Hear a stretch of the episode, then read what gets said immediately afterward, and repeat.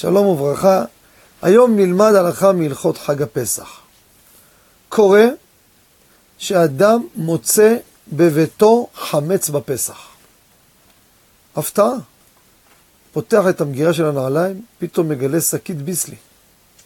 אני הייתי חתן צעיר, חדש, התחתנתי בערב ראש חודש ניסן, מצאתי בחול המועד, פותח את המקפיא, שקית עם שתי פיתות. כי חשבנו נאכל את זה ונשמור עם כמה שקיות, שכחנו מכך. מה עושים אדם שמוצא חמץ בפסח? הלכה למעשה.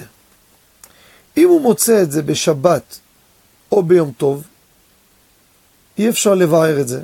כופה על זה כלי, קח כלי, קח שקית, מכסה את זה, כופה על זה, עד מוצאי שבת או מוצאי יום טוב, ומיד הולך מבאר אותו, משמיד אותו, שורף, מפורר אותו עם חומר אקונומיקה לפח, כל אחד לפי מנהג אבות שכאלו לבית הכיסא, תלוי כל אחד לפי מנהג אבותיו.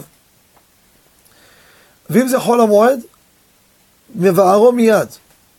והשאלה שאני רוצה לדבר, אם אדם עשה מכירת חמץ, האם גם נחייב אותו את ההלכה הזו? שהרי אם הוא מכר את כל חמצו לגוי, אז זה לא שלו, איך הוא יכול לבאר את זה? גזל. מכרת את זה לגוי. הלכה למעשה, מה שמכרתי לגוי ושמור במקום מיוחד, זה מה שמכרתי לגוי. דבר שבהפתעה, נכון שאני לא, לא חשבתי על כל החמץ שיש לי, כל חמץ שיש ברשותי אני מוכר אותו, אמת.